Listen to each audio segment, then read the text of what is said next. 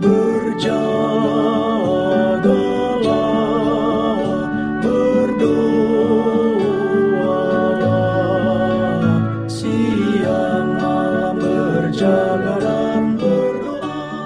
bersama Radio Advent Suara Pengharapan mengikuti pelajaran Alkitab melalui audio Sekolah Sabat.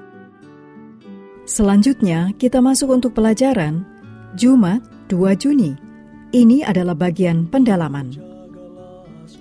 Mari kita mulai dengan doa singkat yang didasarkan dari Lukas 17 ayat 1. Yesus berkata kepada murid-muridnya, "Tidak mungkin tidak akan ada penyesatan, tetapi celakalah orang yang mengadakannya." Amin. lawan musuh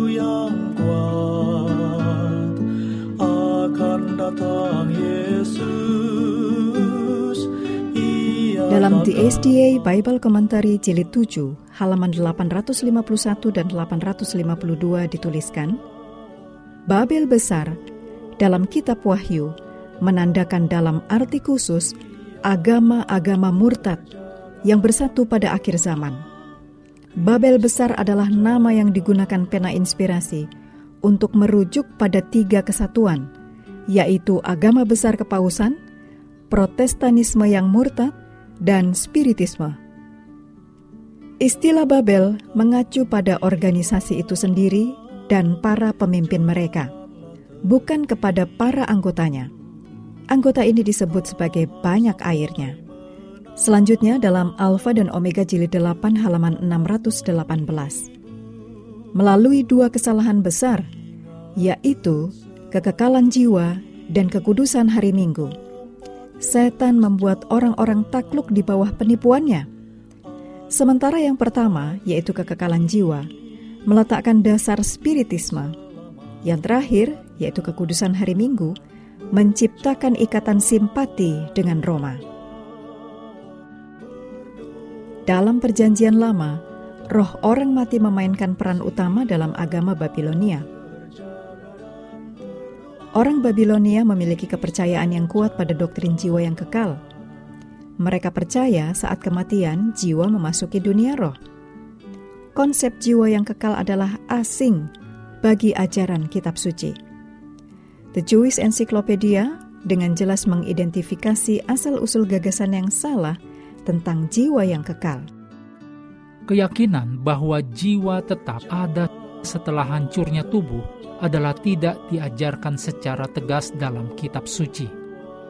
Keyakinan akan kekekalan jiwa datang kepada orang-orang Yahudi dari kontak dengan pemikiran Yunani dan terutama melalui filsafat Plato sebagai tokoh utamanya yang dituntun melalui misteri Orphic dan Eleusinian di mana pandangan Babilonia dan Mesir bercampur secara aneh. Demikian kutipan dari Kaufman Kohler, The Jewish Encyclopedia Immortality of the Soul, tahun 1906. Selanjutnya adalah hal-hal untuk diskusi. Yang pertama, mengapa pemahaman untuk kebenaran tentang kematian sangat penting? Diskusikan bahwa pemahaman yang benar ini melindungi kita, sekaligus juga melegakan. Yang kedua, beberapa tipu daya setan terlihat jelas, tapi tipu daya lainnya lebih halus. Diskusikan cara-cara agar kita tidak tertipu oleh keduanya, baik yang terlihat jelas maupun yang lebih halus. Yang ketiga, diskusikan tentang pertanyaan yang dibahas dalam pelajaran hari Minggu tentang mereka yang melakukan kejahatan dengan percaya bahwa mereka mengikuti kehendak Tuhan, seperti yang diungkapkan dalam Kitab Suci. Diskusikan bagaimana menjelaskan ini, serta apa peran hukum Allah dalam menjelaskannya. Mengakhiri pelajaran hari ini, mari kembali ke ayat hafalan kita dalam Yohanes 17 ayat 17. Kuduskanlah mereka dalam kebenaran. Firmanmu adalah kebenaran. Kami terus mendorong Anda mengambil waktu bersekutu dengan Tuhan setiap hari, bersama seluruh keluarga, melalui renungan harian, pelajaran Alkitab sekolah sabat, juga bacaan Alkitab sedunia. Percayalah kepada nabi-nabinya yang untuk hari ini melanjutkan dari Mazmur pasal 27. Kiranya Tuhan memberkati kita semua.